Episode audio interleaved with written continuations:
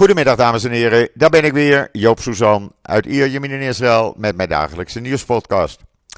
Eerst maar even het weer. Nou, het is gewoon hartstikke lekker weer, 22 graden, blauwe lucht. Je kan gewoon lekker zonder jas uh, naar buiten overdag. Heerlijk en het zal morgen ook nog wel even zo zijn.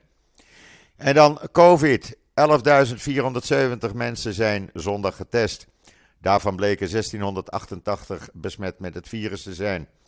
Oftewel 14,72 procent. Dat is natuurlijk veel te hoog. In totaal zijn er nu 11.563 COVID-patiënten in Israël. Er liggen er 132 van in het ziekenhuis, waarvan 32 in kritieke toestand. Het dodental staat nu op 11.878. En dan heeft de IDF een hooggeplaatst lid van Islamic Jihad opgepakt samen met 11 anderen die bezig waren met allerlei terreuractiviteiten. Men heeft ze opgepakt en ze zitten nu vast. Je kan uh, het hele verhaal, inclusief de, uh, de video, zien op uh. Waar je ook kan lezen dat Lapid gisteren samen met de hoge commandanten van het leger een bijeenkomst heeft gehouden. Omdat het, ja, het aantal terreuractiviteiten vanuit Gaza zich door gaat nemen. En men probeert daar het een en ander tegen te doen om dat rustig te houden. Maar het ziet er niet naar uit. Verwachting is dat we binnenkort veel meer uh, uit Gaza en de Westbank krijgen aan gevallen, uh, terreurgevallen. En dat is niet goed. En dan president Hertog. Uh, je kan de film zien op israelnieuws.nl. Die heeft gisteren in Bahrein leden van de Joodse gemeenschap ont, uh, ontmoet. En daarna heeft hij uh, een bijeenkomst bijgehouden om samen uh, met Bahrein te kijken of ze allerlei, samen met Israël, allerlei nieuwe bijeenkomsten kunnen houden om de economie omhoog te krijgen. En gezamenlijk allerlei economische vooruitzichten te maken. Ook dat, inclusief de video's, kan je lezen in israelnieuws.nl. Waar je ook kan lezen dat president Herzog vanmorgen in Abu Dhabi is geland. Abu Dhabi moet ik zeggen. En uh, zich bezig gaat houden vandaag bij een ruimtevaartdebat wat in Abu Dhabi plaatsvindt. Mogelijk dat Israël samen met Abu Dhabi iets gaat doen uh, in uh, gezamenlijk iets in ruimtevaart. Ook dat horen we later, zodra uh, president Herzog daar vandaan is. En dan is er een Israëlische telefoon-app ontwikkeld. Sorry. Die voorspelt met succes het hartfalen door middel van een app. En in 82% van alle gevallen die er nu toe zijn gedaan, zijn hartfalen voor, uh, voorspeld. En uh, zijn mensen ook bij uh, ja, de specialisten terechtgekomen om hartziektes tegen te gaan. Het bedrijf is dat nu helemaal aan het, klaar aan het maken, zodat iedereen dit kan gaan gebruiken. Deze app. En dat is, ja, is natuurlijk een hartstikke goed systeem. Want dan kan je dus, voordat je echt uh, een, een hartprobleem hebt, ben je dus al gewaarschuwd daarvoor door die apps. En dat is hartstikke mooi. Kan je lezen in Israël Nieuws. Waar je ook kan lezen dat Zoos Power uit Israël, die heeft een memorandum van overeenstemming berekend, of ondertekend met een groot Amerikaans bedrijf, Blink Charging om, uh, dat is een autoverhuurbedrijf. Daar komen duizenden autoverhuursites in meer dan 100 landen. Die gaan uh, uh, samenwerken met Zoos Power. Want Zoos Power gebruikt een, een, een opbouw, opbouwer, nee, een snellader, laat ik het zo zeggen. Een snellader voor elektrische auto's door een apparaat met vliegwielen. Niet meer op elektriciteit, maar die elektriciteit wordt ontwikkeld door vliegwielen die bij die, uh, ontwerp, bij die auto-oplaadsystemen uh, staan. Dus het gaat buiten de elektriciteit om. Dat betekent dat elektriciteit daar helemaal vrij van is. Het is een hartstikke goed systeem. Je kan de uh, video zien in israelnieuws.nl. En dan, ja, uh, het wordt alleen maar erger waar Netanyahu en zijn extreem rechtse club mee bezig is. Want meneer Noam, de leider van Noam, meneer Avi Maus, die gaat gewoon, uh, en Netanyahu kan zeggen van nee, ik hou de touwtjes in de handen. Nou, hij houdt de touwtjes helemaal niet in de handen. Want uh, alles wat meneer Maos wil gaan doen, uh, alle externe, extreme pak, schoolpakketten tegen te houden, dat gaat hij ook doen. Hij gaat alleen maar de scholen pakketten geven die richt, ja, die samenwerken zeg maar, met extreem Joodse onderwerpen. Iets anders mag niet. En dat betekent dat een heleboel scholen gewoon uh, ja, niets meer zich aan gaan trekken van meneer Maos. En dat wordt een hele nare toestand. Want ja, ze gaan gewoon doen. De scholen die zeggen gewoon: sorry, maar wij doen wat wij willen en we gaan niet meer naar meneer Maos met zijn extreem rechtse daden luisteren. En dat zijn uh, nu een kleine honderd scholen en dat worden er elke dag meer. En dat wordt nog een hele toestand. En er is ook bekend geworden de overeenkomsten die meneer Smotrich heeft gemaakt samen met uh, de Likud, samen met Netanyahu. En dat betekent dat meneer Smotrich gewoon alle touwtjes in handen krijgt van wat er op de westelijke Jordaanoever gebeurt. Dat betekent dat meneer Smotrich, de extreemrechtse meneer Smotrich, gaat bepalen wat de IDF wel en niet mag doen op de westelijke Jordaanoever. Dat betekent dat meneer Smotrich gaat bepalen dat alle illegale nederzettingen gewoon legaal worden dat Arabieren van de westelijke Jordaan worden weggejaagd. Want dat gaat meneer Smotrich allemaal doen. Het wordt één grote puinhoop waar Netanyahu niets meer in te vertellen heeft. Dat kan je lezen in de Times of Israel. Ook uh, de coördinator voor overheidsactiviteiten in de gebieden Kogat. Die uh, heeft geen woord meer te vertellen, want meneer uh, Smotrich gaat dat allemaal bepalen. Dat betekent dat extreem rechts kan gaan doen wat extreem eh, rechts wil op de Westbank. En uh, dat Netanyahu daar niets meer over te vertellen heeft. En dan kan Netanyahu wel roepen: ja, ik blijf de touwtjes in handen houden. Nou, helemaal niet. Hetzelfde geldt voor uh, wat Netanyahu zei tegen NBC Meet the Press van ik blijf de touwtjes in handen houden voor wat betreft de homorechten in Israël. Nou, meneer Maos gaat dat allemaal doen. En meneer Maos gaat zorgen dat die, uh, de Pride, uh, Jeruzalem Pride, wordt gestopt. Dat daarna Tel Aviv, de Pride Parade, wordt gestopt. Dat homoseksuelen geen rechten meer krijgen. En dan kan Netanyahu blijven roepen: nee, ik bepaal dat. Maar Netanyahu bepaalt niets meer. Hij heeft alle touwtjes in handen gegeven aan meneer Maos en meneer Smotrich. Hetzelfde geldt voor meneer Benkwier, want meneer Benkwier krijgt dus alle touwtjes in handen voor wat betreft de nationale politie. Dat betekent dat de politie niets meer zelfstandig kan beslissen. Dat gaat meneer Benkwier bepalen. Die gaat het gewoon bepalen. Ja, het wordt één grote puinhoop. Want uh, de partij van meneer uh, de Otsma Yehudit partij, die gaat een wetsvoorstel indienen om politie, politici uh, de ultieme macht te geven voor wat betreft het benoemen van rechters. Met andere woorden, rechters die tot nu toe benoemd werden door een onafhankelijke commissie, worden dan benoemd niet meer door een onafhankelijke commissie, maar door Knesset. Knessetleden gaan dat bepalen. Nou, dan kan je op je vingers natellen dat er geen enkele neutrale rechter wordt benoemd, maar alleen maar ja-knikkers die precies doen wat de knecht, knecht, knechters, Knessetleden willen. En dat is natuurlijk niet wat we moeten houden. Het wordt één grote puinhoop. Het wordt echt En dat allemaal om Netanyahu uit de gevangenis te houden. Want dat is de enige reden die nog telt.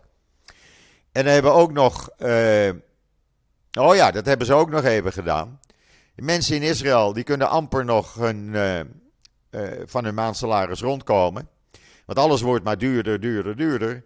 Maar de politici hebben bepaald dat ze vanaf januari een loonsverhoging van 15% krijgen. 15%. Het is toch niet normaal? Ze doen maar waar ze zin in hebben. En de mensen die, uh, ja, die hebben geen eten meer. Nou, sorry, dit kan gewoon niet. En dan hebben we ook nog de Haradi-partij, de ultra-orthodoxe United Torah Judaism partij, die niets moest, wisten, moest hebben van een commissie die uh, de Meron-ramp verleden jaar onderzocht. Uh, die hebben nu een eis gesteld aan Netanyahu. Wij willen alle touwtjes in handen hebben voor wat betreft de Mount Meron. Wij gaan bepalen hoe of wat. Dat betekent dat die commissie, waar ze eerst tegen waren, nu dus helemaal buitenspel komen te staan. En niemand meer schuldig bevonden wordt aan wat verleden jaar is gebeurd. Waardoor 45 mensen om het leven kwamen. Nou, sorry. Ze doen maar waar ze zin in hebben. Het wordt één grote dictatuur. En op die manier kunnen we niet meer verder leven. En als je dan kijkt dat de procureur-generaal van het proces van Netanyahu nu officieel een uh, aanklacht heeft ingediend bij de politie. Want haar zoon wordt door een Likud-activist, meneer Rami Ben Yehuda, bedreigd met het leven.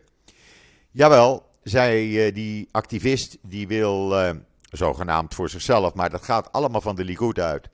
Die zoon eventjes een lesje leren. En ja, de politie is nu ingeschakeld om deze man op te pakken, want dit kan gewoon niet. Alleen maar omdat deze mevrouw uh, Ben Ari het proces leidt tegen Netanyahu, wordt haar zoon met de dood bedreigd door uh, Likud-activisten.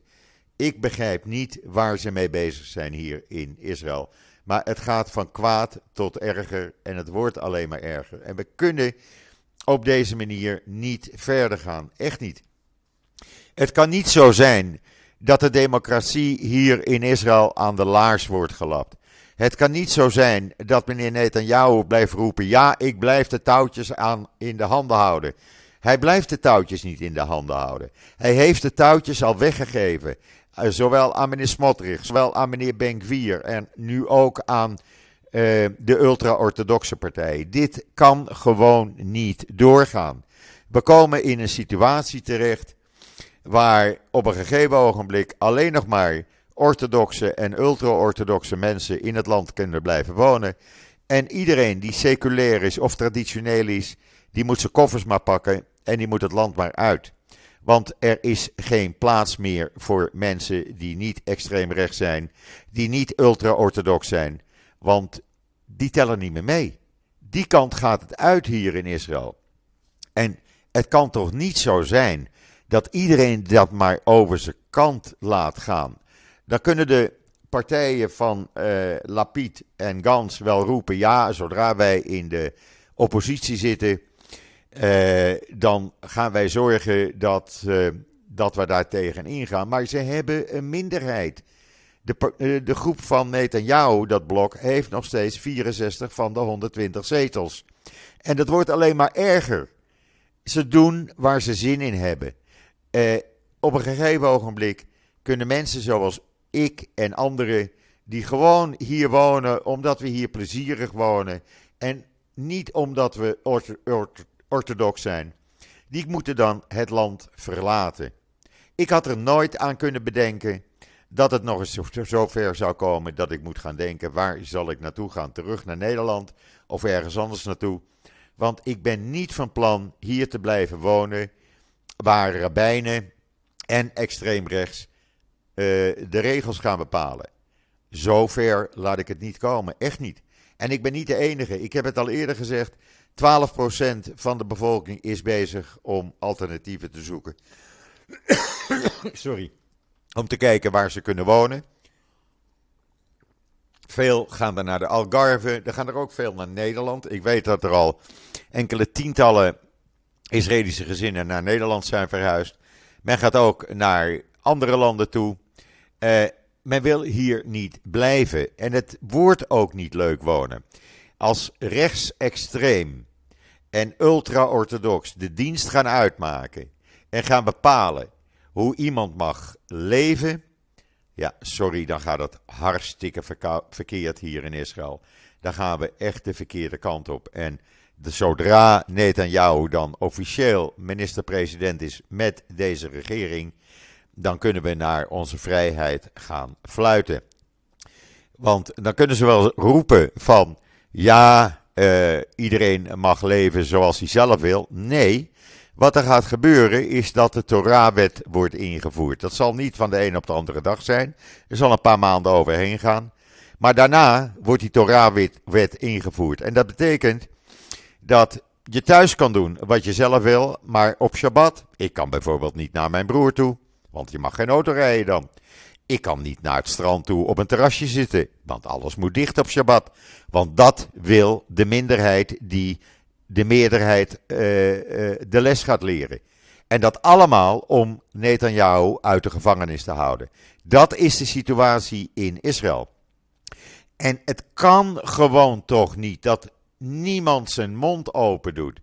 Iedereen laat het maar over zich heen gaan. En op het moment dat mensen hun mond gaan open doen, ja, dan is het te laat, want dan is die regering al geïnstalleerd. En dan werkt die regering al. En dan is er een minderheid in de oppositie. En zoals uh, Seth Fransman in de Jeruzalem, zich afvraagt, in de Jeruzalem Post zich afvraagt, zullen Israëls critici de komende regeringsspanningen, inspanningen uitbuiten? Ja, die gaan dat uitbuiten. Want uh, meneer Blinken, de Amerikaanse minister van Buitenlandse Zaken, heeft gezegd: wij gaan niet op de mensen letten. Wij gaan kijken en wij zullen Israël beoordelen op wat ze gaan uitvoeren. En als ons dat niet aanstaat, dan zullen wij maatregelen nemen. En ja, dat wordt van kwaad tot erger. Het kan toch niet zo zijn. Het kan toch niet zo zijn dat een minderheid gaat bepalen wat een meerderheid hoe die moet leven in Israël. Maar dat is eigenlijk wat er gebeurt op dit moment. En ik kan niet blijven leven in een land waar geen vrijheid mee is. Waar je gedwongen wordt eh, ja, ultra-orthodox te leven. Dat kan gewoon niet. En dat moet gestopt worden. En dat gaat alleen maar om Netanyahu uit de gevangenis te krijgen. Sorry, hij lapt het land aan zijn laars. Hij denkt alleen maar aan zichzelf. En dat wordt hem allemaal uh, ja, eigenlijk opgelegd door zijn zoon Jair. Die zit er gewoon achter. Die krijgt al die extreemrechtse achter, achter zijn hand, op zijn hand. Die krijgt de ultra-orthodoxe op zijn hand. En dan gaat 17% van de bevolking bepalen wat de rest van de, rest van de bevolking, hoe die moet leven. Nou, dit kan gewoon niet. En dan ben ik nog in, staat om eventueel het land te verlaten, hoe pijn me dat ook gaat doen. Maar ik denk dat er op een gegeven ogenblik geen andere keuze is. Ik denk dat uh, over een paar maanden ik gedwongen word op zaterdag hier volgens de ultra-orthodoxe regels te gaan leven. En dat kan toch niet zo zijn dat die 17% eventjes gaat bepalen hoe ik moet leven. Alleen maar om meneer Netanyahu uit de gevangenis te houden. Sorry, dat kan niet. Maar we, zullen gaan zien wat het gaat worden. Eh, op dit moment uh, gaat het uh, de verkeerde kant op. Misschien, heel misschien, krijgt Netanyahu geen regering bij elkaar. Dat zou het mooiste zijn. Het allerbeste zou zijn als Netanyahu zegt: Oké, ik neem mijn verantwoording. Ik stap op als politicus. Dan kunnen, we gewoon een, regering samenstellen van Likud, van Gans, van Lapid, van een ultra-orthodoxe partij en van een linkse partij bij elkaar. Dan heb je een uh, regering die meer dan 80 zetels van de Knesset heeft. Maar nee, nu krijgen we een regering met alleen maar extreem ultra-rechts en uh, extreem ultra-orthodox. En die gaan bepalen hoe de rest van het land moet gaan leven. En ja, dat vertik ik. Dat ga ik echt niet doen. En dan heeft uh, Israël goedgekeurd dat in Gaza fiberglas weer kan worden geïmporteerd. En dat betekent dat eindelijk de uh, vissersmannen in Gaza hun boten weer kunnen gaan repareren. Nadat Israël 15 jaar lang een ban op de import van dat uh, materiaal had uh, gelegd. En dat kan nu weer. Ze kunnen uh, wat tot 2007, mo 2007 mogelijk, mogelijk, was om schepen te repareren met fiberglas. Daarna niet meer. Dat kan dus nu weer gebeuren. En die visserslui, vissersmannen, die kunnen hun oude boten weer met fiberglas herstellen en opnieuw gaan vissen. Eindelijk, eindelijk, hopelijk laat de nieuwe regering Netanyahu dat op zijn beloop. Als ze dat niet doen, ja, dan hebben we weer een probleem erbij. En dan Israël. Uh, de Israëlische defensiebedrijven die leiden de explosieve groei van uh, defensieverkopen in het Midden-Oosten. Dat is Elbit, die is dan een van de grootste. Die leidt uh, ja, alles, de wapenverkopen in het Midden-Oosten. die wordt alleen maar groter en groter. Dat blijkt volgens het Stockholm International Peace Research Institute. Er is een stijging van 1,9 procent. De omzet van Elbit is gestegen van 4,2 miljard in 2020 naar 4,75 miljard dollar. Uh, en staat nu op de 28e plek in, uh, van de wereldlijst van 100 wapenfabrikanten. Uh, ja, en zo Elbit gaat door. Al die andere Israëlische wapenfabrikanten die zien hun omzet stijgen.